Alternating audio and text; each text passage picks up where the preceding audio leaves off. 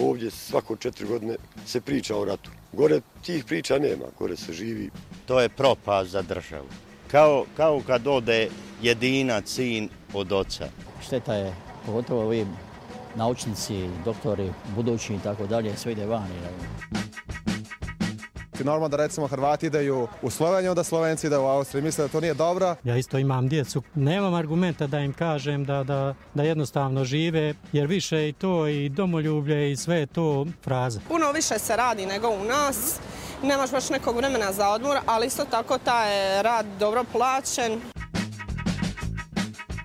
Znači ne znam nikoga koji je ošao da se vratio i da nije zadovoljan. Znači svi ko su, koji su otišli čak rekli da bi se vratili, e, zapravo su na kraju ipak ostali. Kako da žive sa 20.000 u Aranđelovcu? Pa bit ću vam iskreno odlučio sam se, uvijek sam bio neki kao pesimist. Ma diću, ovdje sam svoja kuća, svoje, tvoj narod, međutim, e, nema iz tog naroda ništa.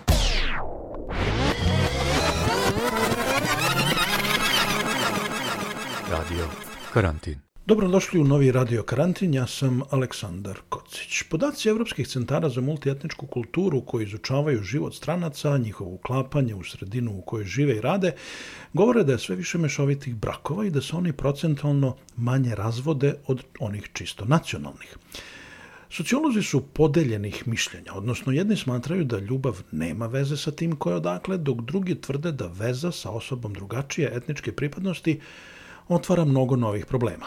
Istraživanja pokazuju da žene, više nego muškarci, maštaju o vezi sa strancem i upuštaju se u multietničke brakove gde su razvodi ređi, kultura bogatija, a kompromisi uobičajeniji u komunikaciji između partnera. Žitelji nekadašnje Jugoslavije, a sada samostalnih država, rasuli su se pa na svih pet kontinenta. Iako još uvek nema sasvim preciznih podataka o porodičnim odnosima u trećoj generaciji doseljenika, Neke brojke pokazuju da treća generacija nekadašnjih gastarbajtera češće sklapa brakove sa strancima nego sa svojim sunarodnicima.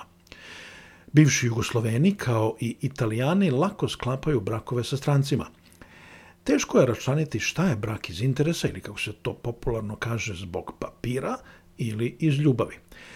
Bez obzira na stroge državne kontrole u svim evropskim zemljama i u Americi, još uvek ima i mnogo lažnih brakova. Što se pravih brakova iz ljubavi sa strancima tiče i to da li će se neko upuštati u vezu i brak sa strancem, uticaj imaju i prethodna ljubavna iskustva, kažu psiholozi.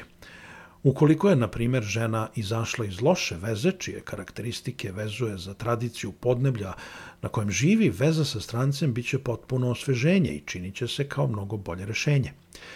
Žene se češće svesno upuštaju u vezu, dok je kod muškaraca to uglavnom stvar trenutka i ako ih posao odvede u inostranstvo ili isključivo na osnovu seksualne privlačnosti. Istraživanja takođe pokazuju da se generalno muškarci češće vezuju za žene sa istih ili sličnih prostora, što je još izraženije u zemljama koje neguju konzervativnije stavove i uređenja. Radio karantin. Deca iz dvojezičnih partnerstava malo kasnije tečno progovore u odnosu na svoje jednojezične vršnjake, ali kasnije pokazuju i bolje mentalne sposobnosti, spremniji su na kompromise i lakše usvajaju demokratsko razmišljanje.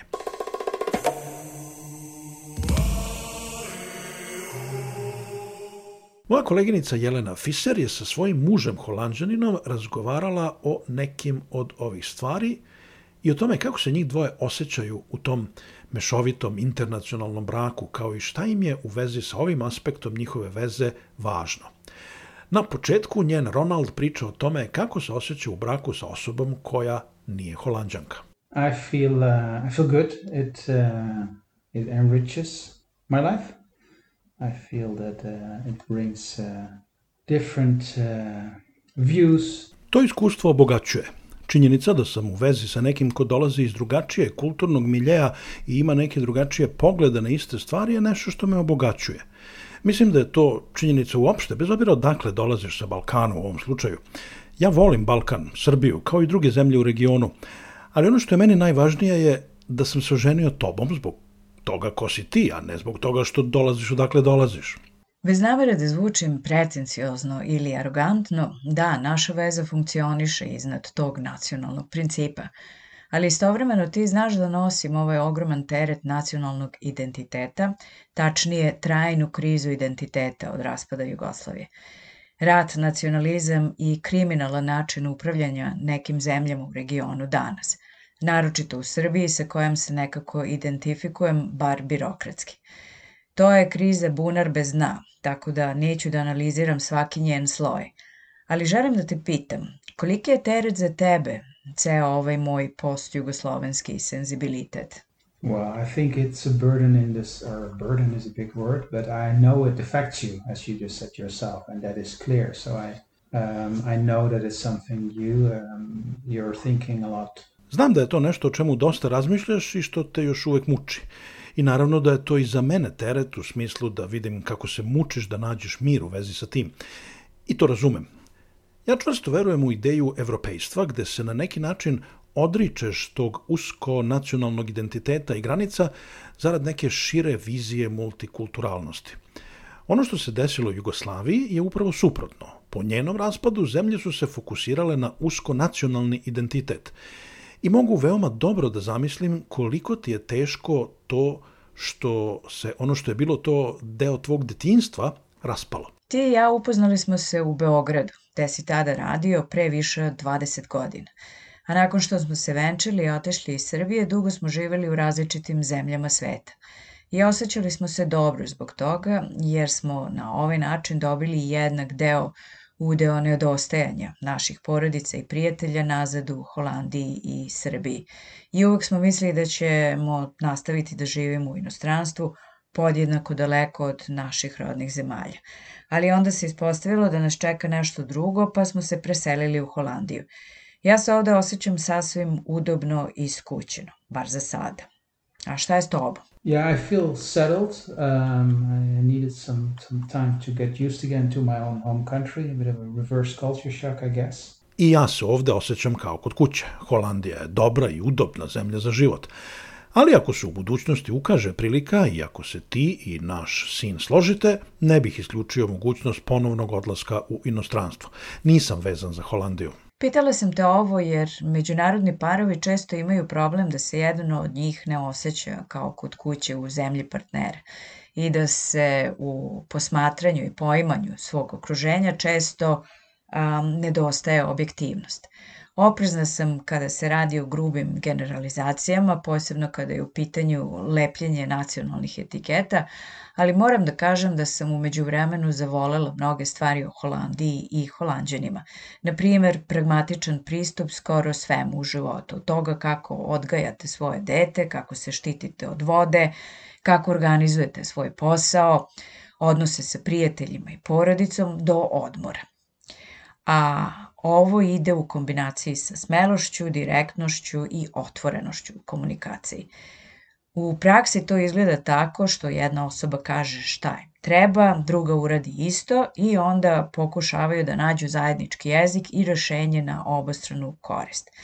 Mnogi ljudi na Balkanu bi ovo označili kao bezosećajan i egocentričan način razmišljanja. Da li sam ovde poštena i objektivna? I think you, you have a fair description of, of the Dutch culture, the way of working. I think, I mean, the whole pragmatism and, and openness are very much connected. And in the Netherlands, we... Uh... Mislim da je tvoj opis prilično tačan. U Holandiji nazivamo stvari pravim imenom, što možda zvuči arogantno i previše direktno. Otvoreni smo za dijalog i kompromis. Tako se, recimo, borimo protiv vode. Na tom principu je izgrađen i naš politički model. Ako se svađamo, voda neće biti zaustavljena. Dakle, umesto rasprava bolje je da gradimo brane. Istovremeno nije sve savršeno. Holandsko društvo jeste prilično izjednačeno, ali ne sasvim. Ljudi emigrantskog porekla u proseku zarađuju manje, bilo je i slučajeva rasnog profilisanja od strane države. Dakle, nije savršena, ali je Holandija pristojna mesto za život. Dok sam zajedno s tobom putovala i selila se sa svojim jugoslovenskim i srpskim pasošima, često smo morali da prolazimo kroz te užasne procedure na granicama, ambasadama i imigracionim centrima, uvek noseći dodatnu gomilu štampanih i podvučenih međunarodnih zakona i pro propisa za slučaj da neko od službenika tog jutra nije uradio svoj domaći zadatak. Ponekad sam osjećala, posebno u početku, da su ti postupci diskriminatorni i ponižavajući i to me ljutilo. Ali smo uvek govorili kako je meni zapravo lako jer kao građanin Evropske unije ti možeš lako da garantuješ za mene. A kako si se ti zbog toga osjećao? Yeah, mul- multiple feelings, I guess. One of them being that I didn't feel happy about it because you got permission for something because of me, where you should get those permissions or those benefits or whatever it was. Prvo, nisam se osjećao dobro jer si ti dobijala te neke dozvole zbog mene, a trebalo je da ih dobijaš zbog sebe. Ideja da ti kao osoba jednaka meni zavisiš od mog pasoša je nešto što mi je zadavalo dosta poteškoća. Takođe, ono što mi je bilo veoma neprijatno je situacija oko zdravstvenog osiguranja koje za tebe nismo mogli da rešimo u Holandiji.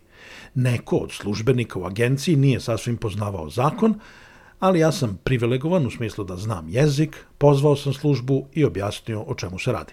A ako si stranac, ne znaš jezik, ne poznaješ zakon, dakle, da se vratim na prethodnu poentu, uvek si zavisila od mene i to mi se nije dopadalo. Kao što sam rekla, živimo u Holandiji skoro 7 godina, ali i dalje pričamo engleski.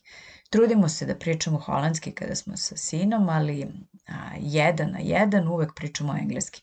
Mislim da možda ne u potpunosti na racionalnom nivou, pokušavamo da zadržimo engleski jezik kao našu mentalnu neutralnu teritoriju.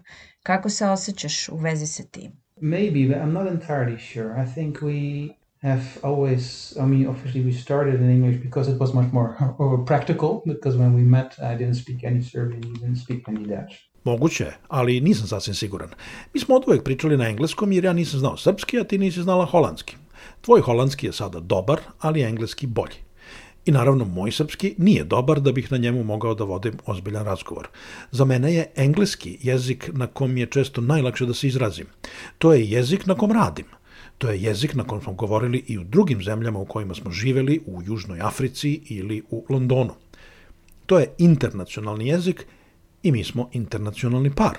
Dakle, nisam siguran da je to što pričamo engleski toliko u vezi sa teritorijom, već sa praktičnom činjenicom da nam je na engleskom najlakše da se izrazimo.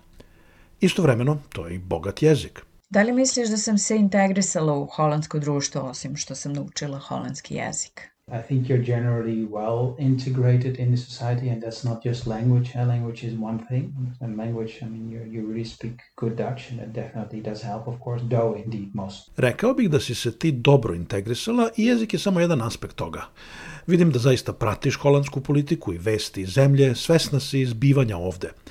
Istovremeno, ti nisi holandžanka, dobar deo tvoje lične istorije nema veze sa Holandijom. Ti si kosmopolita, I to je nešto što nam je zajedničko. Oboje smo zainteresovani za nešto više od nacionalnog jedne zemlje. Takođe ti nosiš i taj balkanski identitet. Da li si integrisana? Da. Ali ja bih bio oprezan sa potpunom integracijom. Ne želiš da izgubiš sasvim to što si donala sa sobom. Pitanje je i šta znači potpuna integracija. Ja ne mislim da je to nužno dobra stvar. Može da uvede u stereotipe i suzi čoveku vidike. Kad smo kod vesti, koliko ti pratiš vesti iz regiona i koliko je za tebe važno da znaš šta se zbiva u Srbiji, Hrvatskoj, Kosovu, Crnoj Gori? Um, I mean, I always followed the news um, about developments in the region. I mean, I also studied Central and Eastern European history, contemporary Central and Eastern European history is part of my interest. Ja sam od uvek pratio vesti iz jugoistočne Evrope, u ostalom studirao sam istoriju tog regiona i takođe sam tamo i radio. Mada u zadnje vreme pratim vesti iz jugoistočne Evrope manje, delom zbog toga što tamo više ne živimo, a delom jer je moj posao fokusiran zadnje godina na Afriku i Aziju. Vesti iz Srbije još uvek pratim, zanima me šta se dole dešava, jer naravno ti si odande, ali i tvoji roditelji i naši prijatelji tamo žive. Oboje pričamo svoje maternje jezike sa našim detetom od prvog dana. Instinktivno smo osetili da je to pravi put, ti govoriš holandski, ja sa njim srpsko-hrvatski i očigledno smo kasnije mogli da iz prve ruke vidimo i čujemo prednosti podizanja višejezičnog deteta, koristi za dete. Šta misliš o tome da je naše dete višejezično, ali i da se ne identifikuje kao a, samo jedan državljan? I think it's mostly beautiful. I mean, I think it's um, he has an interest in multiple country, cultures and, and Mislim da je to divno. On je zainteresovan za više kultura u isto vreme, za poreklo članova svojih familija. Kad god posetimo našu holandsku familiju, on kaže kako želi da ide u Srbiju i da mu nedostaju baba i deda, kao što mu nedostaje i porodica tvog brata u Montrealu. I mislim da ga to čini građaninom sveta. To obogaćujuće iskustvo i da je važno za njega da shvati da postoji mnogo više od samo jedne zemlje. Ponekad u futbalu, recimo, kada Holandija igra protiv Francuske, on navija za Francusku jer više voli timove iz te zemlje. I zapravo sam ponosan da nacionalno nije glavni deo njegovog identiteta i srećan sam kada vidim kako on s tim barata. Da ostanemo kod vedrih tema. Šta je to što voliš u Srbiji, osim što te moji roditelji i prijatelji dave u hrani i piću? Um, well, they drown me in food and drinks and love, so that's uh, definitely something I, of course, also uh, I like. I, uh, I feel always feel like uh, coming home there also because of the beautiful place they live in. Osim što me dave hranom i pićem, tvoji roditelji me dave i ljubavlju. Odlazim tamo kao kod svoje kuće, delom zbog toga što tvoji žive na veoma lepom mestu, ali isto tako odlazak u Srbiju za mene još uvek egzotika. Srbija je kulturno veoma drugačija od Holandije. Na moju sramotu još uvek ne znam dobro da govorim srpski, ali se tamo uvek osjećam dobrodošlim i voljenim, uprako sranjima koja su se dešavala i dešavaju se. I prelepa je zemlja, iako se prema njoj ljudi ne ponašaju baš lepo. Beograd je divan i podsjeća me na Berlin od pre 15-20 godina. Obožavam da šetam Beogradom koji, iako prilično oronuo, ima prelepu arhitekturu. Pančevo takođe. Neki delovi grada bi bili veoma lepi da se fasade dovedu u red. Ali naravno znam da ja sve to posmatram sa distance. Kad si spomenuo ovo propadanje i oronulost, ja obično počnem naše posete Srbiji malim nervnim slomom ili više njih simultano, jer sam očajna zbog toga kako se zemlja tretira, pred svega od strane sobstvene vlasti, pa onda i od sobstvenih građana zbog nedostatka i nepreuzimanja odgovornosti, što stalno ponavljam kao mantru. Ali ti si uvek tolerantni i imaš više razumevanja za stvari koje mene čine očajno. Da li je to zato što si ti objektivan ili nemaš emotivnu vezu sa krajem kao ja? I think it's a combination of things. I am emotionally less attached. I mean, I think that's clear. I didn't grow up there. Uh, my family doesn't live there. Well, obviously your parents live there. Naravno da sam ja manje emotivno vezan za Srbiju, jer tamo nisam odrastao. Moja familija, osim tvojih roditelja, ne živi tamo. Dakle, tako je lakše napraviti distancu. Istovremeno ni u Holandiji nije sve idealno, ali neću to da shvatam lično. Trudim se kao individua da se pozabavim pitanjima koja su mi važna, ali mogu između sebe i države da napravim prostor. Ne vezujem identitet i državu. Ponosan sam na dosta stvari u Holandiji, ali sam pre svega evropljanin, a mnogo manje holandjanin. I da se vratim na Srbiju i ono što je tvoja prijateljica rekla pre 20 godina, kad sam ja rekao kako nije sve tako crno i kako bi na stvari trebalo gledati pozitivnije, ona je rekla, Ronalde, tebi je lako da tako posmatraš stvari jer uvek možeš da odeš. Kada sam ranije govorila o holandskom pragmatizmu, to je takođe nešto što svakodnevno vidim kod tebe. To je odličan izvor udobnosti i sigurnosti sigurnost da će moj partner se pobrinuti za sve potrebne stvari onako kako je dogovoreno i očekivano. Kalvinista u tebi, kako ti kažeš. Ali to takođe povremeno može biti uzrok blage iritacije u smislu da nisam uvek raspoložena da razmišljam tri meseca unapred o nečemu zašto mislim da nije toliko relevantno da zahteva dugoročno planiranje. Šta su to takozvane balkanske stvari u vezi sa mnom koje te ili zamaraju ili podižu? Look, I think it's not just Balkan or Dutch. I mean, I also know enough Dutch people who uh, don't want to plan three months ahead for an event. Eh? And, and I'm, I'm quite an extreme case of, of planning and being organized and wanting to know what's going to happen when. Nije u pitanju samo Holandija ili Balkan. Znam dosta Holandjana koji ne žele da planiraju tri meseca unapred. Ja sam pomalo ekstrem kada je u pitanju planiranje i želja da se stvari znaju dosta unapred. I to ubija spontanost. I upravo je spontanost ono što volim u vezi sa tobom, kao i strast u vezi sa novim idejama. Mada nisam siguran da li je to Balkan ili su to jednostavno ti. Takođe, briga za druge. Recimo, ako u Holandiji neko bane nenajavljeno vreme večere, mi se preslišamo da li je to neki deo nekog plana. A kada vam u Srbiji bane prijatelj, vi se oduševite, uvučete ga unutra na šljivovicu i večeru. Dakle, to gostoprimstvo i toplina, koji su deo tog balkanskog, ali i samo tebe.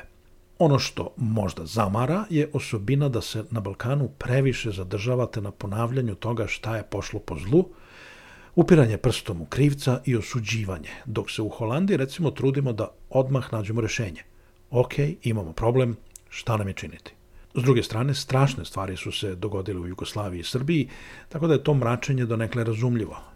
Imate i vi optimističnu stranu. Holandija nije pošteđena rodne nejednakosti, ali su u Srbiji te rodne uloge mnogo izraženije. Ti si feminista i rodne uloge za nas dvoje nisu nikada bile problem.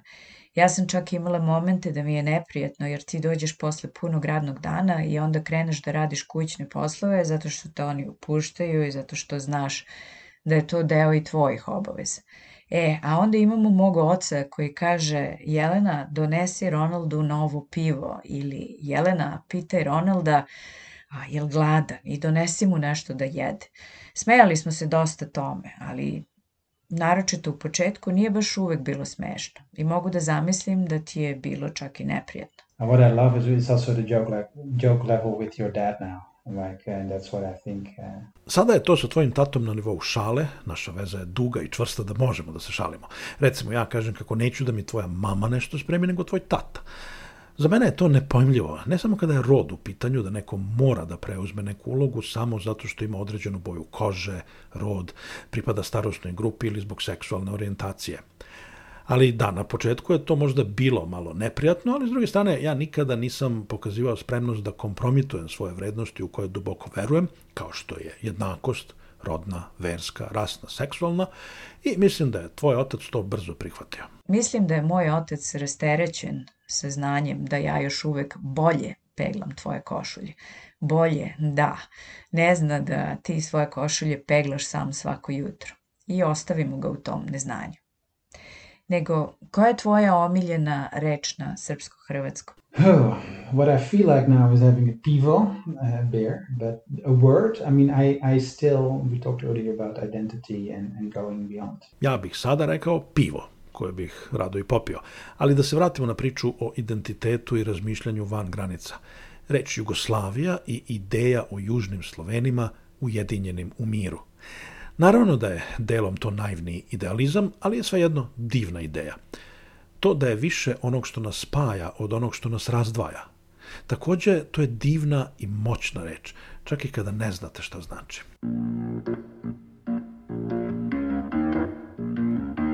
Radio Karantin Radio Karantin možete naći na našem sajtu radiokarantin.eu ili na platformama kao što su Spotify, Apple Podcast ili podcast.rs. Gde god da ste nas našli, ostavite nam ocenu ili komentar. Na taj način pomoći ćete i drugima da nas nađu. Bićemo vam veoma zahvalni ako možete da nam pomognete i donacijom. Link i informacije su na našem sajtu. U narednim emisijama posvećenim emigraciji razgovarat ćemo o podizanju dece u novoj sredini, kao i o izazovima i dilemama penzionera, ostati u emigraciji ili vratiti se u rodnu zemlju. Ja sam Aleksandar Kocić, pozdrav iz Glazgova.